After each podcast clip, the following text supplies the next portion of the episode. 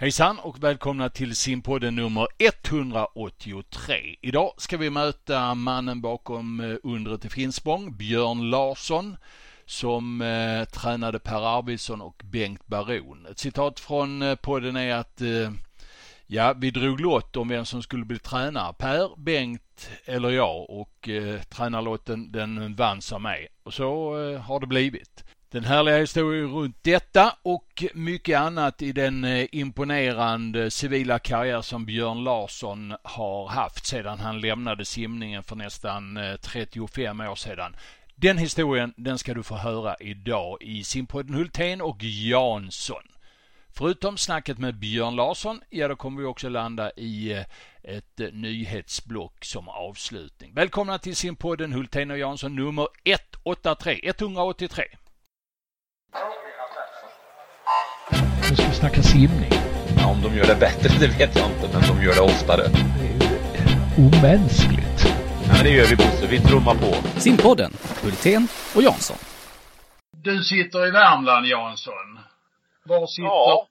var sitter Björn någonstans? Jag sitter i Stockholm. Mm. Där är du fast förankrad i storstaden eller? Fast förankrad i storstaden. Ja, jag var där sedan jag gick ut Handels. Ja. För, vet, 30 år sedan vad det var. 40, 30. Mm. Ja, vi ska snacka med Björn Larsson idag, eh, för er som eh, precis har kommit in i sändning här. Så, eh, och Björn, ska vi köra hela resan från Finspång där ute i utebadet och ända in och fram till dagens datum, eller hur? Vilket avstamp ska vi göra? Du har varit borta från simning ganska länge. Ja. ja. Min uppfattning. Vadan ja, detta? Det, vadan detta? Nej men eh, jag landade ju i Stockholm någonstans där när karriären var, denna karriären var lite grann över och grabbarna hade slutat simma och det fanns egentligen ingen naturlig koppling i Stockholm till simning. Ja, men det var på den tiden, det fanns inget Eriksdalsbad va, byggt än. Eh, GH-badet var ju fullständigt mest, det gick inte simma där. Eller ha sina barn med sig och simma där heller. Det var väldigt dåliga förutsättningar va. Så det, det rann ut lite grann. Men jag har varit sugen på några gånger att ta mig ner. För nu är det ju, även när ni tävlar på små tävlingar är det ju ofta väldigt bra resultat. Mm. Vilket ju inte var på min tid att säga. Då var det ju väldigt mycket att du toppar till ett tillfälle och sen är det det. Nu verkar man ju liksom kunna slå världsrekord nästan när som helst. Vilket är mm. imponerande. När var du på din senaste simtävling?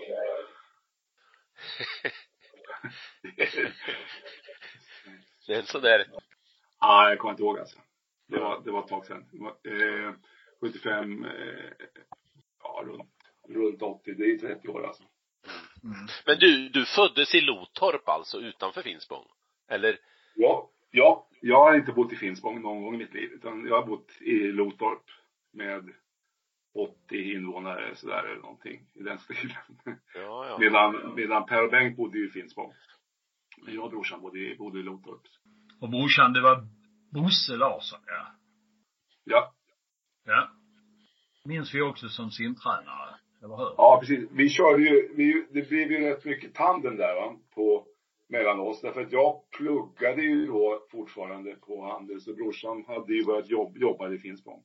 Så vi, vi delade ju på rätt mycket utav, utav liksom de dagliga passen. Och, och efterhand så vart ju, var ju grabbarna i USA och jag var i Stockholm och Bosse var i Finspång och liksom, ja. Så det var lite triangel där. Men du hade ju en egen simkarriär också först, ska vi ju inte Ja, just det. Hur, hur kom det sig att man börjar simma om man bor i Lotorp? Ja, eh, det är väl lite arv och lite föräldrar och sådär som, som dyker upp. Pappa var ju var ju lätt motionstokig simmare. Va? Och var ju politiker så han gick under arbetsnamnet den simmande riksdagsmannen. Och var ju även med och startade Vansbrosimningen. Eh, och lite sånt. Så man, när man berättar för folk nu så tror de ju inte att det är sant eftersom det är en... Och då var det 20, första året jag minns att jag var med, jag simmade inte det året men jag gick bredvid, jag var rätt ung då.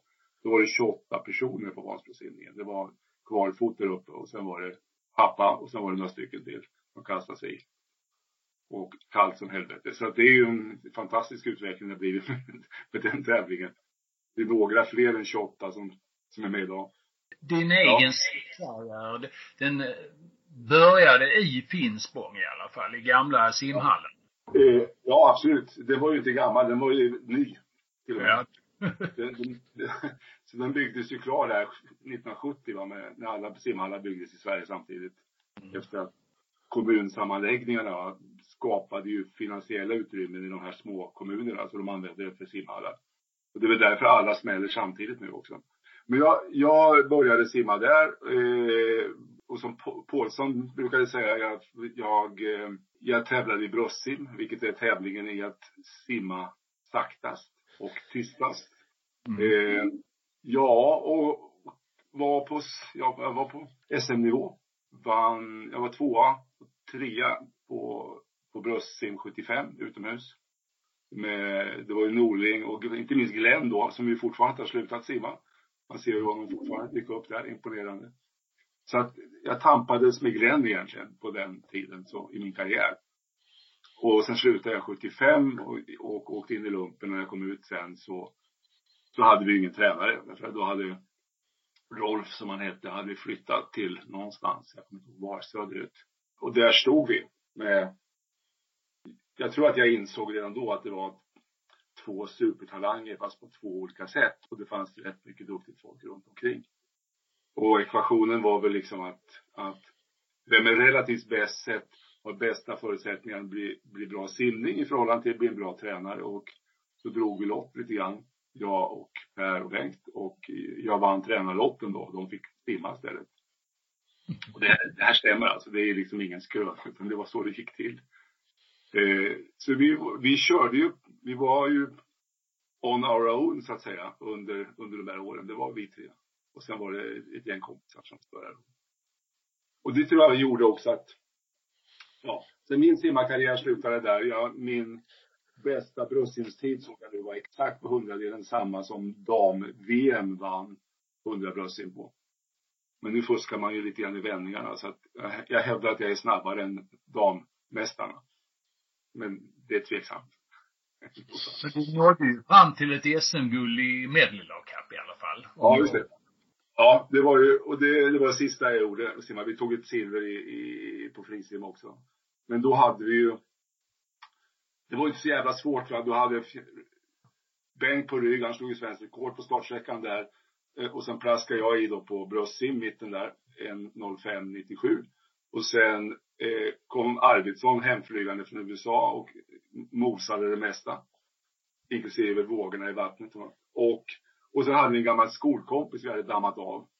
Som, som hette Freddy, som grunden inte hade summit på 10-15 år, som vi fick upp. Han hette Freddy Heinefeld till och med. Precis, precis. Ja. Tvåa, tvåa i sumsim, 50 fjäril, 50 frisim. Någon gång där på förra seklet.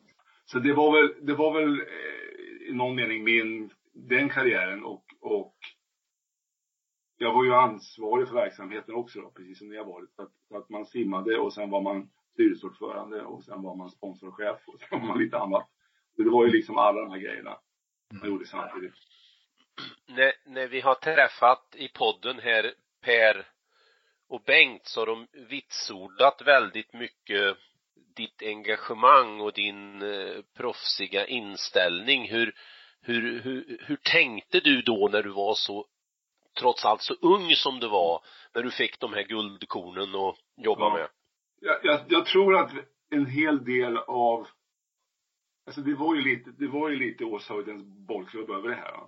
Liksom, eh, vi var ju jävligt ensamma, så vi, vi var inte påverkade av speciellt mycket tankes, tankesmedjor och tyckanden om hur man borde göra. Va?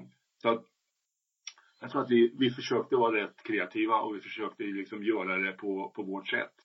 Och lite grann till och med var väl det lite av en trigger att göra det på vårt sätt. Jag menar, Bengt nämnde säkert liksom det, att vi tränar ryggsäcken med puck på pannan på honom. Han, till slut lyckas han alltså till och med göra en ryggvändning med puck även på pannan.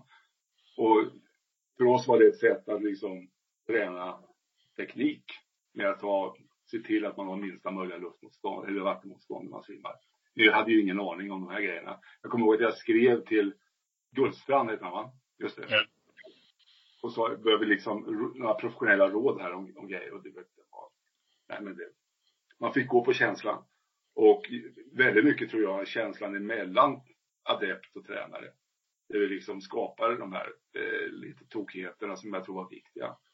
Och plötsligt, för plötsligt så hade det ju gått från att vara ja, där nere i junior-SM eller vad det var vi, vi härskade. Och, och plötsligt så ser du de här internationella listorna där, där liksom grabbarna ligger topp fem någonstans. Eh, så, att, så att jag vet inte om det var ett medvetet val, men det var, det var ett sätt att liksom, jag tror att vi alla kände, mm, det finns någonting här som vi inte får tappa. Och vi måste hitta ett sätt att liksom utveckla det. Eh, lite grann. Sen var vi ju våldsamt unga liksom. Jag var, ja, vad herrans namn var jag? Du är född 1950. Sex. Ja. Mm. Så så att 20, 25 bast Ja. någonstans eh, på den. Känns det någon gång eh, att det här ansvaret att få de här två supertalangerna, eh, Ja. Det var tufft, stort? Var det jobbigt att bära eller var, var det just Nej. en relation? Ja. Nej, det, det, med att det var lite and, det, var, det blev ju lite underdog-känsla på det där och det är ju alltid kul att vara i, den, i det läget. Någonstans. Eh, och, och, och vi höll oss väl på det. Nej, jag tycker inte att det var, det som var jobbigt var ju naturligtvis att det fanns ju inga stålar liksom för och försöka få ihop det här. Alltså som en normal simklubb här fanns det ju pengar, liksom man hade de vanliga metoderna. Men efter ett tag så var det ju gick ju grabbarna scholarship till USA och på något sätt, det var ju inte fullfjädrade scholarship. Du hade ju inte vård och sådana saker.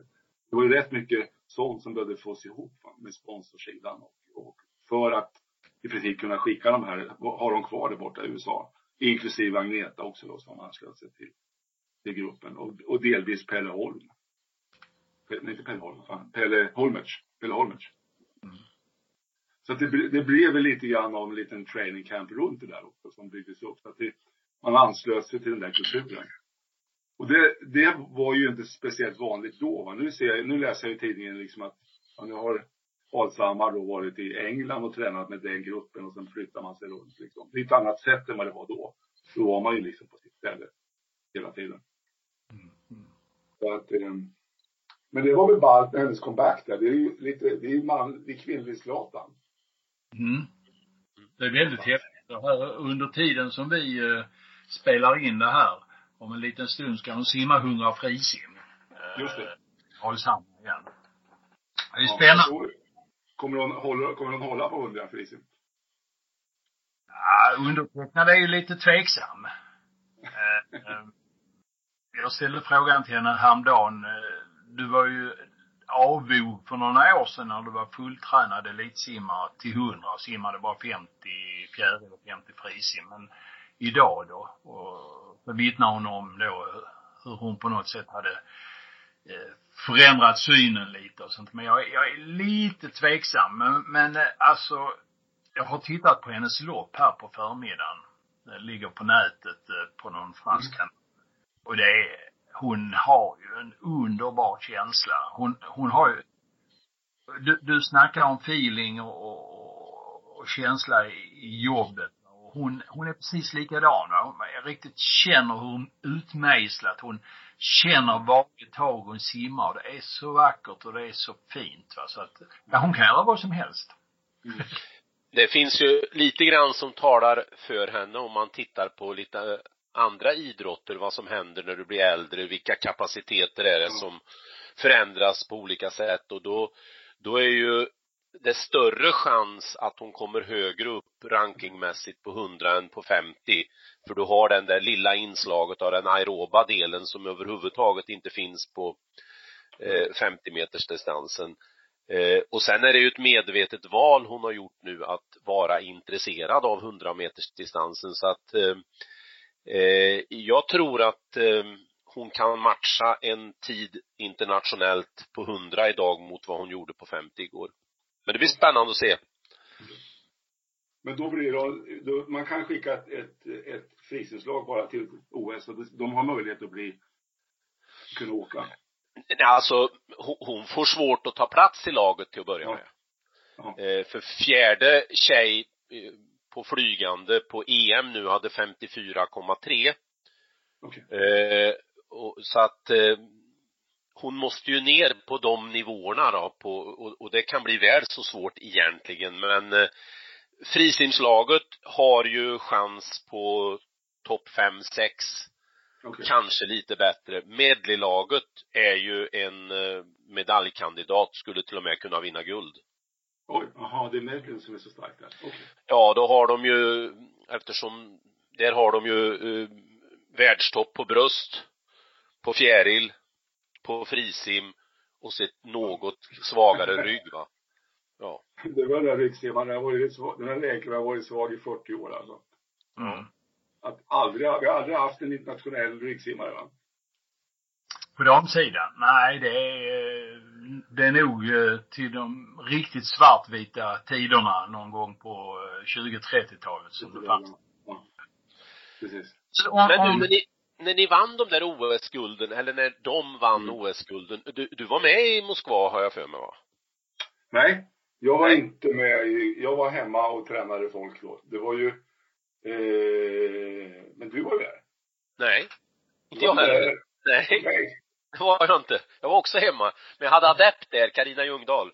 Men, Ja, men, det. eh, men du, du fick ju pris sen som årets ledare eller något sånt i Sverige efter de här OS-framgångarna. Ja, just det. Det var, ju- just det. det var Dagens Nyheter utsåg ju en, en tränare varje månad. Det var ju Benke Lantz då som håller det där.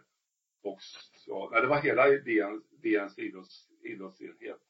Eh, så att, ja, jag varit utsedd i augusti där. Det var ju väldigt eh, smickrande. Och det var ju, det var ju ett fantastiskt gäng runt omkring där som, som fick de här priserna. Det var ju liksom, Boris tränare, va, de, han, han tog ju sitt femte där, mitt, precis mitt under OS eh, etc, etc. Så att, så att eh, det var ju trevligt. Jag har priset fortfarande, tror jag. det. Nej, det hänger inte här längre i nästa rum. Eh, ja. Men det fanns, det, det fanns inte i ditt huvud då tanken att liksom bli eh, världens bästa tränare, att göra karriär som simtränare eller eh, Nej, men det är lite kul där, för att eh, man kollar rätt mycket på de här coronatiderna på, på Champions League.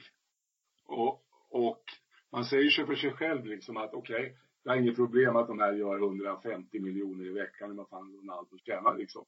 Men Mourinho gör liksom 100 miljoner om året.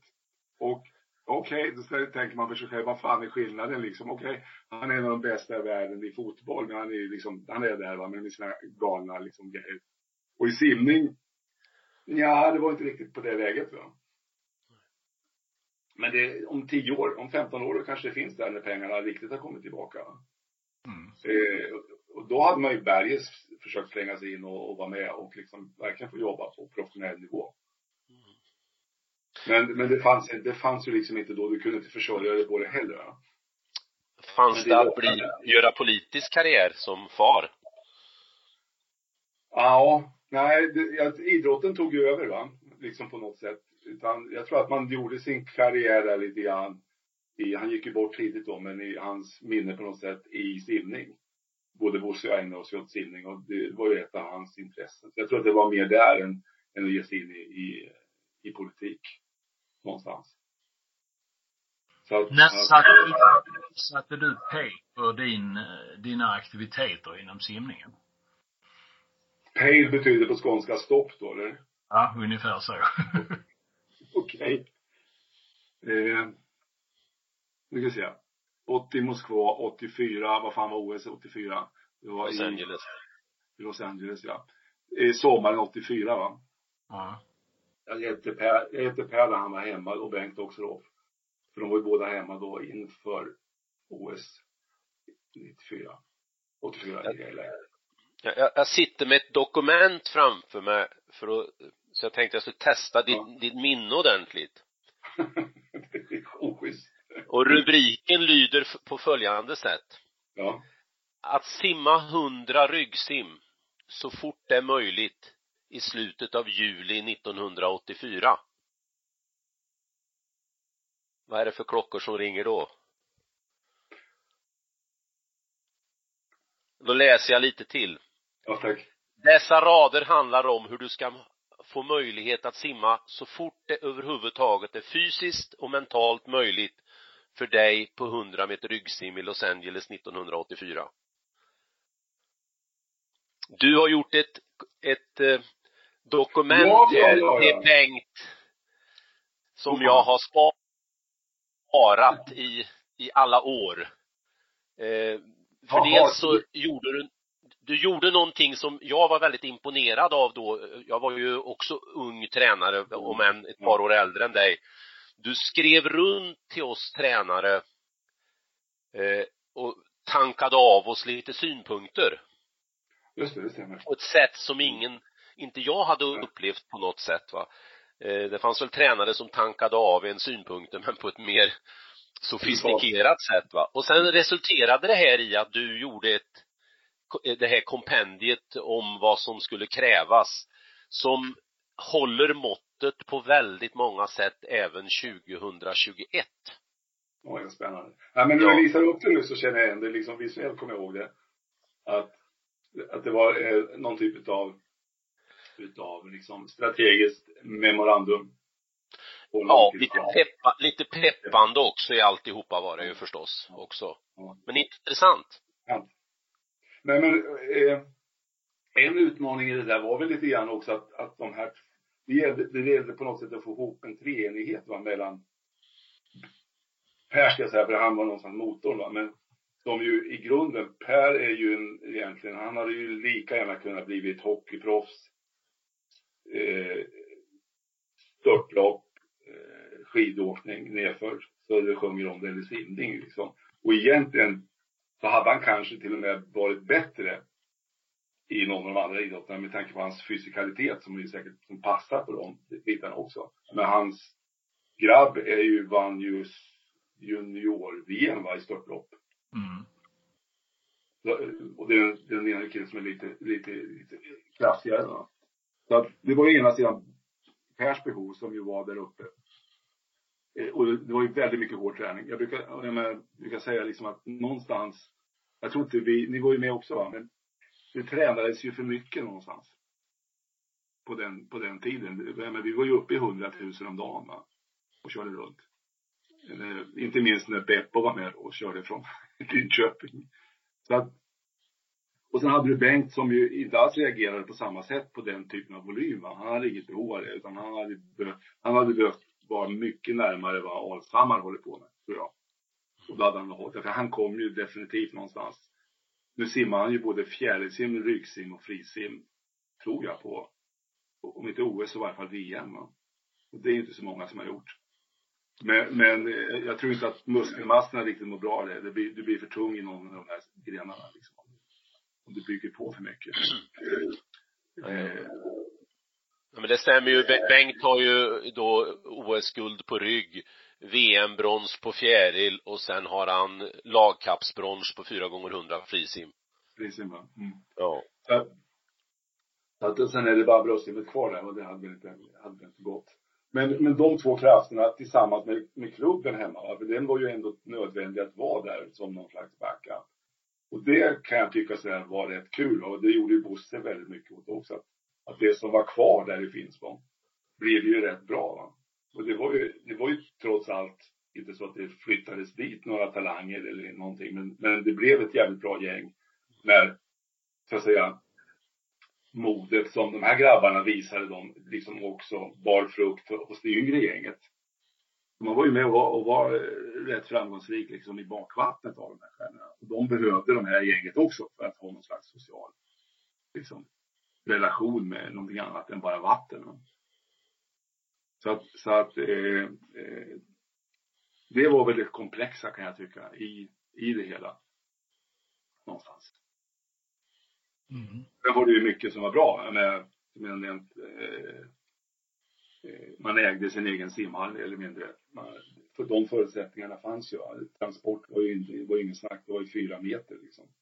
Bengt tror jag hade 12 sekunder ner till, från där han bodde till, till simbassängen. Var nedförsbacke där vid hörnet. Och med egen nyckel. Så att, och ibland är sånt där värt mycket mer än att liksom ha, vara fullsponsrad i Stockholm, åka tunnelbana som en galning fram och tillbaka. Och liksom tappa tid på resor och sånt. Och det är trångt och jävligt. Så att, eh, det där var nog rätt viktigt tror jag. Den här känslan som du på något sätt eh, eh, klär i ord här nu av eh, det lilla samhället, brukssamhället och sånt. Ja. Hur mycket betydde det och hur fick det andra, eh, fick det andra uttryck än bara det här att man eh, hade 12 sekunder till simhallen? Supporten från, från Ja. Finspång, hur, hur var den? Nej men den var, den var, den var nog så, den var väldigt bra. Och den var så bra som du kunde förvänta dig givet hur stor den här kommunen var. Va? Eh, måste jag säga. Så att det, det, fanns där, det fanns där under ytan. Man ställde liksom, man ställde upp va. Och man lät de här killarna liksom hålla igång på sitt sätt utan att liksom dundra på dem. Massa, massa kärlek i, i, i onödan. Men det var definitivt så att det, att det fanns ett, ett superstöd. Och det var ju, det var ju där, det var ju där vi fick in våra, på något sätt, sista pengar för att kunna liksom ha det här igång. Och det var ju liksom Corrugat då, eller Metallverken som det hette. Som, som vi gick in och stoppade. Rätt, rätt friskt på något sätt. Han tog ju sin marknadsbudget. Eh, och sen la han den i, sen la han den liksom i simhallen. Va? och körde på så det rök om det. Så att, eh, han gjorde ju, jag kommer inte ihåg vad han heter nu. Eh, han var ju i Ju- Jugoslavien. Men, men ja, han tömde kontot och sen körde han och, och det, det höll ju så länge vi behövde ha den, den, den typen av, av stöttning. I det. Eh, men Just det, den, där processen att, att döpa om hela klubben från simklubb, Ja. eller Finspång simklubb till SKK Gal, det var ju revolutionerande på sin tid. Det väckte ju väldigt mycket uppmärksamhet och inte minst eh, måste väl du, värderat det marknadsmässigt i efterhand också och sett eh, hur kan man göra någonting sånt där? Ja, ja men det var ju lite intressant därför där tror jag liksom att någonstans kom det väl ur någon slags den där kreativiteten i det där, i det där samhället där vi inte hade släppt in några utan var i vår, vår egen lilla sekt va, liksom. Sen insåg vi att vi var tvungna att göra något här så vi, eh, och vi, då hade ju Metallverken då sagt att de är med och stöttar men vi, vi, det är klart att vi vill ha, vi vill ha eh, vi vill ha någonting på våra, på våra, våra tröjor och material och allting annat. Det är väl liksom följer med det. Och då meddelade ju liksom då Elmsäter, va, hette han, så, generalsekreteraren. Att här ska jävla med att det bytas någon, någon, någon logo därför det strider mot de olympiska reglerna i FILA eller FINA, vad simning heter. Eh, och vi sa väl, vad fan pratar du om liksom? Ja, men det gick inte, det skulle inte gå. Utan man, man hette ju det man var inregistrerad på i Simförbundet. Och man fick inte gå över 18 kvadratmillimeter. Det var ju stort. Det är liksom, det är ett simborgarmärke va, fick man ha, men inte mer. Och då någonstans i det där så, så eh, dök den här idén upp. Jag kommer inte ihåg var, var, var den var, men det var någonstans runt, runt eh, den här marknadskillen och oss, oss att försöka, kan vi hitta ett sätt? Och då fanns ju Plannja, va? Eh, basket som hade gjort något liknande. Jag tror inte vi tittade på dem riktigt, utan vi visste att det fanns något där ute. Och eh, så vi, med, så vi bara liksom, vi ringde Elmsäter och sa kan vi få ett möte? Och sen åkte vi upp. Och sen la vi upp tröjorna och allting annat med den nya loggan då. Simklubben Korgal. Och han blev ju tokgalen på oss alltså. Totalt. Det var ju liksom, det skakade ju i hela liksom det, det infrastrukturella liksom. Intellectual properties, varumärken, allting liksom bara gick åt, åt skogen med, med det här. Men, men det fungerade bra. Vi levde ju i bra symbios med, med den här under, under lång tid. Och, och jag vet att vi vid något tillfälle var vi i Tyskland och, och tävlade och då var Bengts pappa med, Theo. Och han lyckades även övertyga de där klubbdirektörerna i Tyskland att kollegal betyder vågrörelse, så att, och vilket är ju de fransärer. Så det är ett väldigt naturligt namn på sin klubb att heta vågrörelse, vilket naturligtvis inte var sant. Men det satt i alla fall rätt så bra i storyn. Eh, så att, så det, där, det där var ju, jag skulle säga att det var ett uttryck på den kultur som vi ändå försökte bygga där. Lite grann entreprenöriell, lite underdog, lite kaxig. Eh, och jävligt hårt arbetande. Va? Och då sökte man alla möjligheter som dök upp för att liksom skapa förutsättningar för, för att göra någonting bra utav det. Parallellt med eh, parallellt med detta så gick du ju på Handels i Stockholm och pluggade. Eh, om vi kommer fram till 1984 då efter eh, OS i, i eh, eh, Los Angeles. Då, då tar du liksom eh, hand, din hand från simningen. Vad, vad händer sen med Björn Larsson? Ja, sen eh, gick jag ut, det var, jag slutade ju med simningen då, Ni- det var, nu ska tänka här, ja, eh, där någonstans. Jag var kvar på Handels, jag eh, skrev, skrev in mig i doktorandprogrammet. Jag vart uppmanad av en professor att, att, att doktorera och gjorde så. Så att jag var, jag var på Handels ytterligare ett antal år då, fyra, fem någonstans och, och, och, och skrev min, på min doktorsavhandling och disputerade på den. Och eh, efter det efter det så gick jag nog fan till McKinsey, måste det ha varit. Jag gjorde, jag gjorde fem år där eh, som ju- juniorpartner och eh, därefter landade in i, i reklamvärlden. Eh, och det här var fortfarande när, när reklam var väldigt eh, viktigt. Det var en del av popkulturen men det var också, det var liksom en del av det kreativa samhället. Så det var, det var en jävligt rolig tid. Eh, jobbade med den byrån som jag var VD för då, Brimfors eh, var Sveriges största byrå då, hade Ikea, SAS, rubbet egentligen. Grundades av Leon Nordin och, och liksom här, här, Mad Men. Så att jag fick vara med under några år där Mad Men fortfarande fanns. Va? Alltså, vi hade en internationell ägare då som hette Frank Lowe. Byrån hette Lowe Brimfors då. Eh, vilket ju var eh, fantastiskt. Och jag menar, varenda grej i Mad Men stämmer ju liksom. Det var den typen av värld. Så det var, det var väldigt spännande att vara med i den, i den typen. Så jag hamnade där, jag var där i 12 år som VD. Eh, ingen, ingen, ingen lär ha klarat mer än 10 år som reklambyrå-VD i Sverige någonsin. Det är liksom ett rätt slitigt jobb därför att det har ju verkligen med kreatörer att göra. Va? Eh, rakt igenom. Så jag gjorde McKinsey och sen landade jag där i 12 år. Och sen bytte jag sida, så jag gick över på kundsidan. Så jag var marknadsdirektör då på, på Swedbank under fem år och de senaste fem åren samma jobb på, Coop, på Coop då. Som jag, så att jag, jag checkade in i princip, eh, ja, sista mars. Du, eh,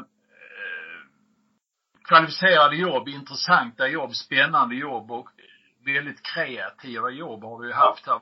Vad, vad, vad har du med dig från livet som simmar och simtränare in i det här? Finns det några rester där som du liksom tycker att det där har jag kunnat använda i mitt, eh, mitt jobb under åren? Ja. Nej, Men jag tror att jag och framförallt generellt att, och det, det, är lite- jag tänkte på det också, det är lite kul liksom då att Paulsson också kommer ifrån reklamvärlden då. Alltså vi båda, och vi har lite grann liknande erfarenheter av adepter då. Liksom Gunnar är ju ändå ett snäpp vassare, men de, det var ju de två bara. Vi var tre då, någonstans. Men, men jag tror liksom att både för Polly och för mig var, var kreativitet ett naturligt och viktigt inslag i de här problemlösningarna. Där, där det liksom inte bara var att hugga på, utan det handlade liksom om att, att verkligen ställa sig utanför och tänka, är det här det smartaste sättet att göra någonting? Kan man göra på något annat sätt? Och inte ta de här mallarna så jävla givna. Därför att de, de är trots allt bara mallar kring, kring sakerna. Fi- Finns det någon koppling till den kreativiteten till att din far var typograf? Kanske, men jag, jag tror att den har faktiskt gått. Det är lite roligt därför att vi har, jag har ju, tvi- har ju tvillingbrorsa. Eh, och hans son, eh, som är lika gammal som mina barn, de är runt 28-30. Han har ju gått den banan och eh, är, är då creative director i New York på Ogilvy Mather som är en av världens största reklambyråer. Eh, så att han har, han har landat där och han jobbar rätt mycket med typografi snarare än än bara eh, visual så att säga. Mer den hantverksmässiga delen utav, utav den här delen också. Så jag tror att jag, jag kanske mer strategiskt kreativ än liksom kreativ kreativ. Men, men jag har definitivt nytta av det. Och, och som ett sätt att tänka på hur man ska liksom attackera frågor. Tro, tror du det finns en, är det ett vinnande koncept för en simtränare att ha en stor kreativ ådra? Ja, det tror jag. Ja, men det, det, det tror jag absolut att det är. Men på något sätt, Alshammar är väl liksom ett exempel på det också. Hon är ju där och pillar liksom och tänk, tycker jag i varje fall, tänker väldigt mycket utanför lådan. Och tänker på andra sätt. Jag tror absolut att det är en fördel. Det är klart att du måste ha du måste ha psyket med dig, du måste ju också ha din coach med dig. Du kan inte efter liksom haft ett antal kreativa sessions liksom gå ner och köra 100 gånger 100 bröstsim på lång bana tre timmar senare. Därför då, då har du ju dödat allt det utrymme som finns i, i, i de förmågorna. Men, men definitivt, man hade ju, jag tror inte man tänkte riktigt på det sättet. Man tänkte liksom bara, kan man göra någonting annorlunda? Och annorlunda betyder kreativitet i någon mening. Ja, det hänger ju samman lite grann. Det hänger ju samman. Ja. På, på, eh, på, på den sidan. Så att, eh, det var, det var, nej men jag tycker, jag tycker det var, har, har varit liksom absolut en sån där grej som man har haft nytta av. Och kanske att det, det, det någonstans, vad är det som definierar liksom ens karriär va? Och det är klart att någonstans kanske McKinsey-åren gör det därför att de är väldigt kraftfulla. Det är liksom, det är väldigt, väldigt tydligt vad du gör och vilken karriärbana du liksom går efter. Men, men så här efteråt ska jag nog ändå säga att, att eh, det var nog simningen. Som var liksom karaktärsdanande och liksom på något sätt definierande i, i, i, i karriärer så. Så jag har ju haft ett, jag har ju haft ett väldigt brokigt CV kan man säga. För jag har ju liksom, jag har varit någon mening heltidstränare och jag har varit eh, VD i några kunskapsföretag, om man kallar dem för det. Jag har doktorerat på Handels. Min handledare fick Nobelpris i ekonomi. Det berodde inte på mig, men han fick det för sex, sju år sedan. Eh, men han skrev på sin bok när jag var där. Jag, var på Yale i ett år som, som doktorand också. Och, och, sen, och sen varit ute då och jobbat i, i, i, i linjen så att säga. Så det, det, har varit, det har varit blandat blandade saker där man har gått på det man har tyckt var spännande och kul. Eh, och, och, tillräckligt och tillräckligt med pengar. Va? Inte så, jag menar, det är klart, hade, hade Mourinhos jobb varit ledigt så hade jag tackat ja. Det hade jag gjort, absolut. Men, men annars så, så har man tradat liksom och göra spännande saker. Vad händer i framtiden för Björn Larsson? Ja, jag, jag, vet inte. Jag går och marinerar i det just nu. Jag har några styrelseuppdrag och jag har lite rådgivning och lite frågor sådär Men, men eh, jag tänkte nog ta det här året ut och fundera på om, var någonstans jag ska, om jag ska ha något sånt påhitt eller inte. Har du under de här åren du inte har varit inkopplad med simning fått några frågor, propåer om att eh, gå in i styrelse eller har, har du blivit uppvaktad något? Ja, ja det har jag, det har jag varit. Och jag hade även, kommer jag ihåg, en diskussion med, med valberedningen om att sitta i styrelsen på Simförbundet. Men då, då hade jag precis börjat med McKinsey så det, var, det gick liksom inte att garantera någon tid då, mm. på, på de, de sakerna. Sen, sen eh, Eh, i mars då när jag slutade, då har jag gjort tio år på, i storföretag då. Eh, då räknar jag ihop att de, under de tio åren har jag gjort 25 000 möten. Och det är karaktären på liksom storföretag, va? det är liksom att man producerar ju i möten. Det är det enda som, som man gör. Man, man producerar möten hela tiden. Och de går ju, de går ju liksom rygg till rygg. Va? Och nu med, med den här tekniken så har ju de här mötesfascisterna fått nirvana. Va? För att du, du kan ju hålla dem inom loppet av en minut ställtid så kan du gå över i ett nytt möte hela tiden. Och man, jag hör ju på mina gamla kompisar, de är ju halvknäckta. Och ju större företag, ju mer sådana här jävla grejer kör man. Så att jag är inte ett dugg sugen på, på den sidan. Att ge, ge sig in i det där och börja liksom administrera en jävla massa möten där man inte ser varandra utan man, man hör en röst någonstans. Så nej tack.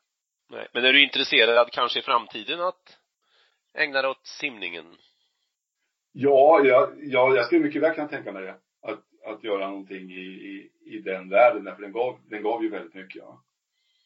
Eh, det tror jag, det tror jag. Sen, och jag, jag har två döttrar då, ingen var väl intresserad eller tyckte liksom att förutsättningarna fanns och de fanns väl inte riktigt. Men, men eh, så att man får hitta liksom ingången på ett annat, från ett annat håll va.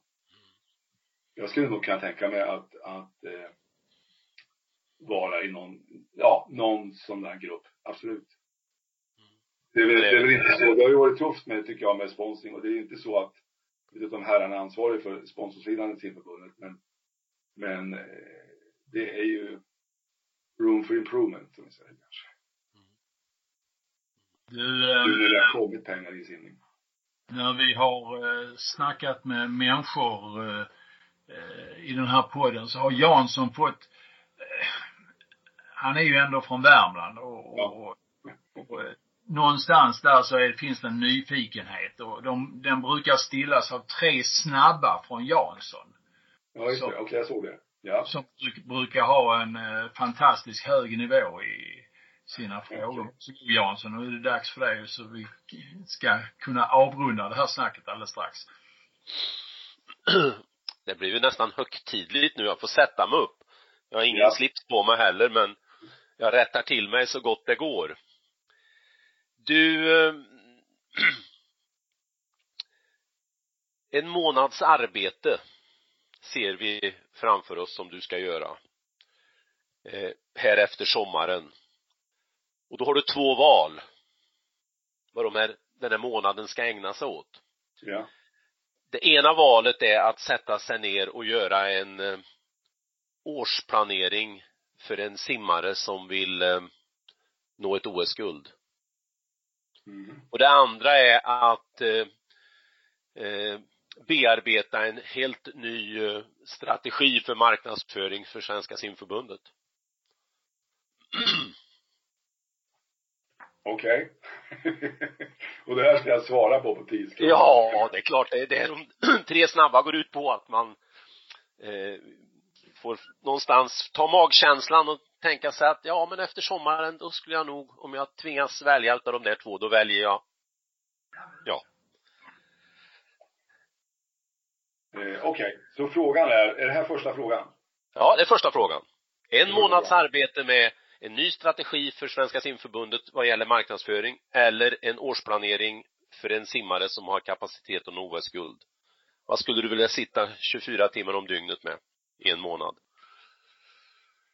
Ja, ja, men det finns ju, det, fin, det finns ju, det finns ju bara ett svar alla dagar i veckan. Det är klart att du vill vara i verksamheten. Det vill säga Okej. att du vill vara simma. Absolut. Men det är kanske inte där jag gör mest, skulle göra mest, mest nytta. Det vet jag inte. Det beror ju på om det poppar upp ett OS-guld där så kanske svaret är ja. Jo, Mm. jag tror att jag skulle göra nytta där. Ja. Men jag skulle kunna göra nytta på marknadssidan. Men nej, nej alltså det, det är ju som allting va. Man vill ju vara inne i kärnaffären. I kärnverksamheten. Det är där man får näring någonstans. Då hoppas jag du får några propåer utifrån landet att du ska sitta ner och jobba. Ja, Eh, Nästa fråga. Ja. Du, du, eh, du, vad heter det nu, eh, hamnar på ett hotell och eh, det är eh, sånt väder så du kan inte lämna hotellet. Eh, Mm. och då finns det då bara två möjligheter när det gäller att titta på TV. Någon dator har du förstås inte. Eh, och i den ena rummet, där är det en TV som hela tiden serverar idrottsutbud. ja. Och i det andra rummet så är det bara kulturella program. Vilket rum kommer du vara i den där veckan? Eh, kulturella programmen, innehåller de även rörligt eller är det, är det mest statiskt? Det Nej, kan tänkas ja, föreställningar. lite alltså, fritt, man- ja. ja. fritt, ja. Nej, men jag tar nog, jag, jag, jag, jag tar tv. Jag tar, eh, jag tar idrottssidan. Av Okej. det skälet att, att eh, det finns fler dimensioner där. Det finns liksom uppträdandet, det finns resultatet, det finns konkurrensen, det finns nästa steg. Allt det där ligger ju ihop. Va? Det är ett kulturellt program, vilket jag absolut inte har något emot. Men eh, jag tror att det skulle bli lite väl tjatigt någonstans. Mm. Ja, tror jag. Ja. Okej. Och den tredje eh, frågan, den ska du egentligen producera ett svar på. Eh, du får chans att åka på din drömkonsert. Eh, vilken typ av konsert skulle du vilja uppleva? Och om du vet någonstans du skulle vilja åka också i det sammanhanget. Eh, den gjorde jag 1974 i Trollhättan när Hoola Bandoola Band spelade där. Vi var på läger i Trollhättan. Det var din drömkonsert? Det var min Okej. drömkonsert. Ja, ja. De spelade inte Keops pyramiden i 15 minuter, men resten var liksom, det var där. Så jag, Ja. jag har sett Hoola Bandoola Band. Vad bra! Då, då, Ja, förlåt. tvåa ska jag välja Adele. Okej. Ja, det är en fantastisk röst. Oj. Tack. Ja. Vad, Eh, Det Björn, var väldigt trevligt att prata med er och se era glada ansikten. Det var länge sedan. det var gött att ha med dig och eh, därmed så tackar vi för eh, dagens föreställning och eh, trycker på stoppa inspelningsknappen här och så fortsätter vi lite. Tack så mycket Björn. Nu ska vi snacka simning. Ja, om de gör det bättre, det vet jag inte, men de gör det oftare. Det är omänskligt. Ja, men det gör vi Bosse, vi trummar på. Simpodden, Hultén och Jansson. Ja, välkomna in i eh, andra halvlek, nyhetsblocket av simpodden Hultén och Jansson. Eh, trevligt att träffa Björn Larsson tycker jag och snacka simning med honom. Eh, det var ju ett tag sedan. Ja, och han var, trots att han då är några år yngre än mig, men när han härjade som det heter i Finspång och så vidare så eh, jag var grymt imponerad eh, utav honom och eh, jättekul att han eh, ville ställa upp här. Det var spännande att höra hoppas vi får se honom på någon simtävling här nu. Mm. Mm. Annars Du- är jag lite grann sådär, eh, jag ska åka och hämta paket Bosse. Är så? Kan du gissa vad jag har köpt? Nej, du, eh, har du köpt en, eh, Ny våtdräkt. usch, herregud. Kommer En- inte den med lastbil? Är den inte så stor så den ska komma med lastbil? En Coltingdräkt, T04 tror jag den heter. Okej. Så jag kommer ju att bli en stjärna nu i öppet vatten med, Ja, jag, ja. jag kommer inte kunna skylla på dräkten längre utan nu är det min kapacitet eh, brister. Så det ska bli kul. Ja. Ja. Du, eh, vi har fått en del OS-klara simmare sedan senast. Eh, det är Sofie Hansson och det är Erik Persson och det är Sara Sjöström och Louise Hansson. Ja, de har klarat sen innan. Sen, eh, eller Sofie har blev nu. Och sen har vi Michelle Coleman. Så har vi Robin Hansson. Så har vi eh, en till. Emelie Fast. Just det. Mm. En eh, överraskning naturligtvis. En jätteöverraskning, ja inte en överraskning att hon gick in i OS-truppen för hon klarade ju kvaltiden men hon var en överraskning på EM. Mm. En mega överraskning. Vi Ja. såg ju tendenser redan på Swim Open kan man säga. Mm. Så är det. Mm. Eh, härligt. Ehm, och du tyckte nästan att det kändes lite pinsamt nu att Michelle eh, blev klar nu. Hon som har simmat Ja. fortare innan, nu blev hon klar då helt plötsligt. Vad hände? och det, och det är ju ingen skugga över Michelle i det fallet utan skuggan faller ju som ett grovt täcke över SOKs sätt att jobba som jag bara blir mer och mer frustrerad över ju, ju mer man ser hur de eh, tänker kring de olika förbundens aktiva som har klarat internationella krav. Det är så mossigt så det är inte sant men eh, eh, det är väl inget som vi kan göra åt i podden mer än att jag får gnälla av mig lite. Mm. Jo, men så är det ju.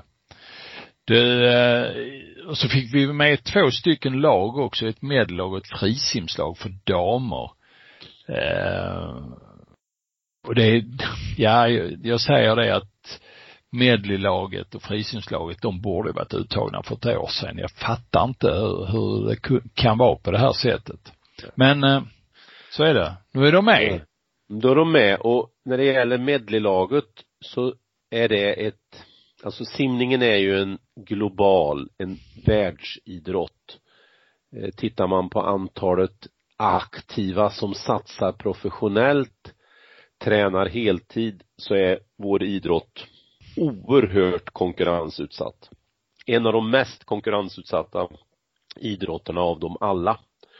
Och då är det så unikt så att vårt medleylag håller så hög klass så att man skulle kunna jämföra det med att om det är efter ett fotbolls-VM så skulle, så utser man ju ett världslag och då skulle liksom världslaget bestå av ett flertal svenskar alltså på backposition, på målvaktssidan, på forwardsidan. Och det har ju vi då genom eh, Sara Sjöström, Louise Hansson och Sofie Hansson som ju alla tre i sina olika discipliner håller världsklass. Och så tillsammans med då någon mer, Michel i medleylaget förstås. Och så frisimslaget som också håller hög klass. Men medleylaget är fortfarande det lag som skulle kunna vinna OS-guld. Mm. Det tror jag inte frisimslaget kan göra, men Nej. vem vet. Mm. Therese Alshammar ställer till det. Ja. På positivt sätt. Ja, vi har ju fått in, eh, vi, vi har alltid tjatat om fjärde tjejen. Mm. Vi har gjort det i flera år här nu. Det är ingen som riktigt har stigit fram, tycker vi. Men så fanns det en hel del gött här senast på Swim Open. Det var Sara Junevik som eh, pressades ner till, eh, på EM ska jag säga, eh, pressades ner till eh, 54 och 3. Mm. Eh, och gjorde en väldigt bra simning där. Mm. Eh, vi har Sofie Hansson som har gjort simningar på 54 låga också. Och nu kommer Therese Alshammar då. Simmar en 50 frisim eh, dagen innan vi sänder det här och alldeles strax så ska hon simma eh, 100 fritt i Canet eh, samtidigt som vi sänder här. Hur, hur bra kan hon vara? Nej men det, det här första hundrametersloppet nu det, det är jättesvårt men om jag skulle lägga en sorts eh två tider som hon kan hamna emellan så skulle jag säga att jag tror ju inte att hon kommer ner på 55-0 det skulle eh, förvåna mig mycket eh, men jag tror heller inte att hon simmar över 56 och då är hon ju i det här spannet som de här andra simmarna är som, som har gjort 50, under 54 och en halv i lagkapp. Mm. Eh, men sen är det ju Therese då, det är ju, jag vet, jag tror jag nämnde till dig när jag simmade mellan passen under Swim Open att jag hade sett eh, Therese träna och jag blev så imponerad att nej men gud, det såg ut som hon aldrig har slutat. Och det nämnde jag när jag kom hem också till Filipstad. Eh, men jag blev mega eh, överraskad på presskonferensen i måndags. När de sa att Therese skulle vara med så hade jag inte, det fanns inte i huvudet att hon skulle göra den här comebacken. Så det är grymt imponerande. Och så simmade hon ju bra igår på 50. Mm. Mm. Absolut. Ja, Men... du, eh, ja, om en liten stund så ska hon i vattnet här någonstans. Ja. Men jag skulle ju inte vara rädd som förbundskapten att ha henne på en sista sträcka i en lagkappsfinal på 4 gånger 100 frisim. Nej. Intressant. Mycket intressant. Ja. Så imponerande. Sen har ju Sara ja. gjort debut, fick ju, om vi, om vi tittar på det lite krasst, fick ordentligt med stryk av Pernille Blomer som verkar gå mot en ny livsfarlig OS-form. Mm. Ja, hon är, har gjort 24-0 nu några gånger. Ja. Eh, och är väl eh, otoppad i det läget kan man tycka. Så att, eh, hur kan det bra kan det bli? Ja, det är en ja. het guldkandidat. Ja, ja. Och så 24-7 då på, om vi rundar av de där två loppen för, för Sara uppåt och neråt. Hon simmar ju lite fortare på försöken. Eh, jag såg ryggtavlan på henne på TV4s eh, inslag om det här. Mm. Men jag såg inte själva loppet. Men du hade tittat på det eller? Ja, jag tittar på det. Det ligger ute på Youtube. Det finns mm. länkat på Simma så det kan man eh, eh, se och det, det är, ja, det är inte dåligt alltså. Det är inte ja, dåligt. Nej. Men det är, det är en lång bit ner till 23 50 eller något vad man behöver ha för att vinna. Absolut. Mm. Nej men det, det, det visst det kommer att bli jättetufft. Det är inget snack om saken. Eh, men hon har ju faktiskt en liten stund på sig. Ja, absolut. Det är juni va och Ja. det är en och en halv månad till och, och nu har hon fått de här första loppen. Jag tror att hon kan vara i kapp redan eh, när vi kommer till Sjukullars trofé om någon vecka i, i, i Rom. Det ska bli spännande att se. Och så är ju Sara, Sara, med allt vad det innebär att vara duktig på att tävla Ja, när det blir viktigt. absolut. Jaha, och sen så eh, är fotbollsförbundet ute i blåsväder nu. Eh, RF vill ju inte att, eh, ja du kan väl berätta hur Nej, men- samman.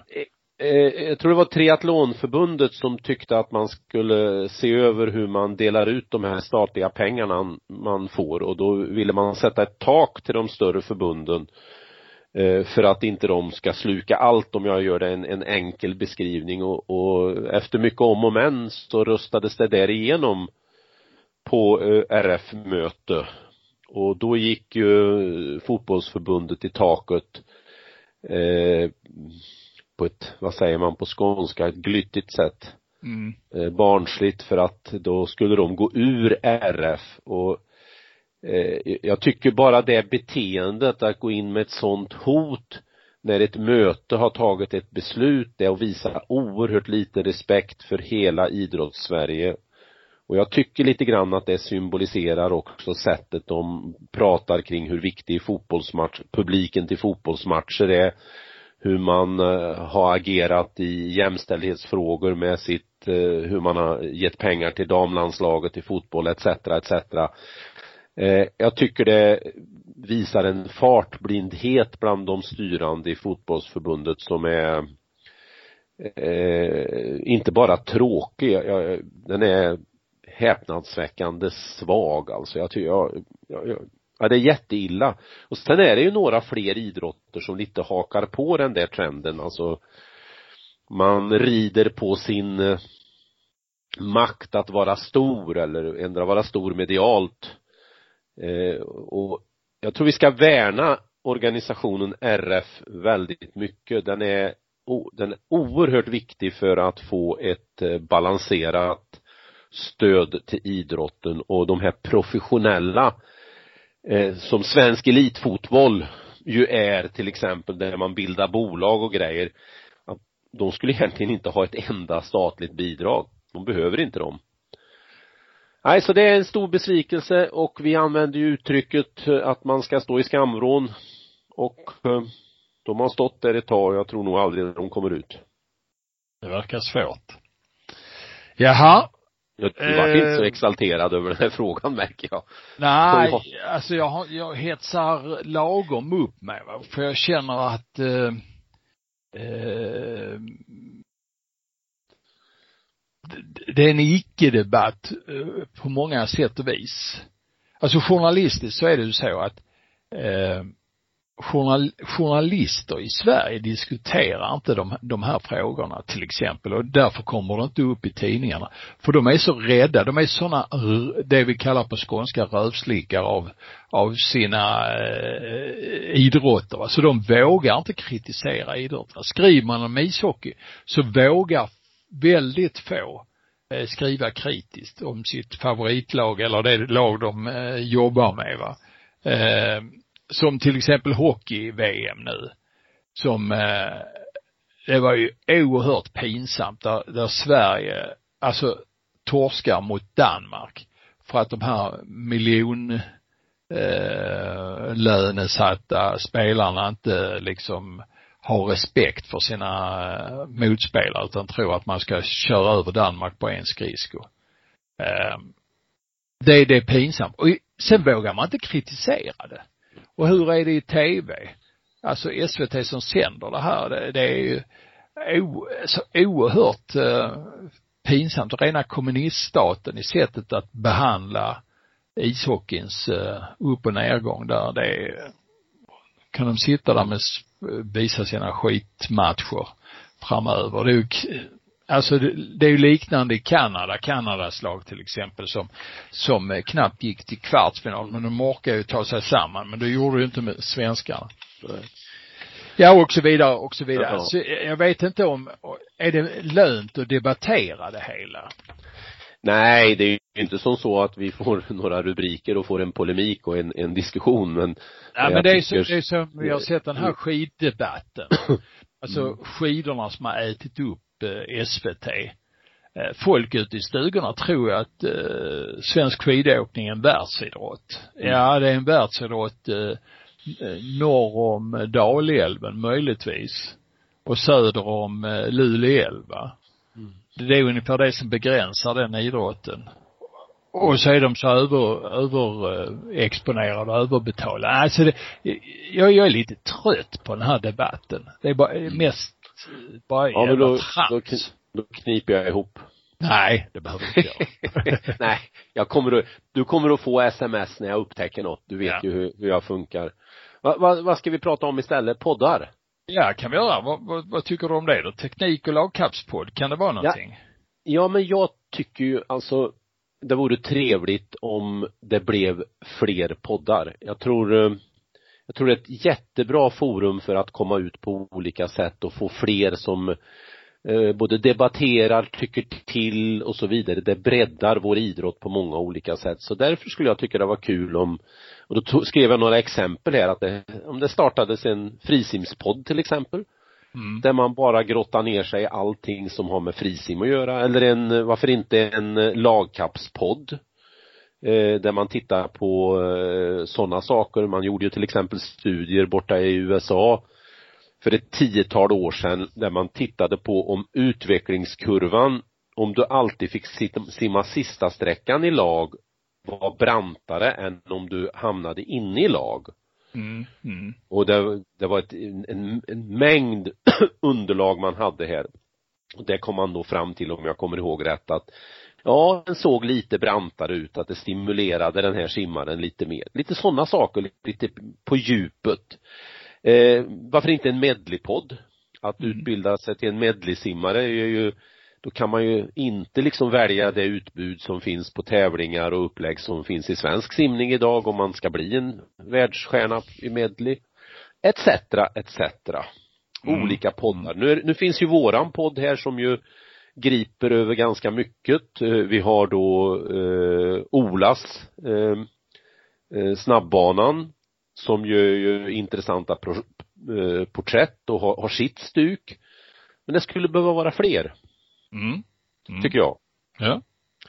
Och, och vi har väl inte tid att, att starta fyra, fem till poddar så vi kan sända Nej. varje dag, du och jag. Ja, det känns lite svårt kanske. Ja, men om inga andra gör det då, då, då, då kommer ju vi ändå göra det. Mm. Mm. Nej, en uppmaning. Starta poddar. Det vore kul, tycker jag. Ja. Ja, Eh. det skickar vi med. eh. Och nästa gång är det simpanel. Så är det ja. Ja. Har vi några spännande diskussioner där? ja. Det är jag helt övertygad om att det blir både diskussion om den här eh, vad heter det, propån vi gjorde till simförbund, eh, samtal kring SM och hanteringen utav det. Det finns många trevliga punkter. Mm. Mm. och intressant alltså. Och det är ju också för att vi har de två eminenta med oss som Marcus och Camilla. Ja, Så det ser jag fram emot. Men det blir nästa vecka. det blir nästa vecka det ja. Okej, eh, då så knyter vi ihop säcken här och nu. Mm. Tack för idag Jansson. Tack och er och tack alla ni som har lyssnat. Hej då!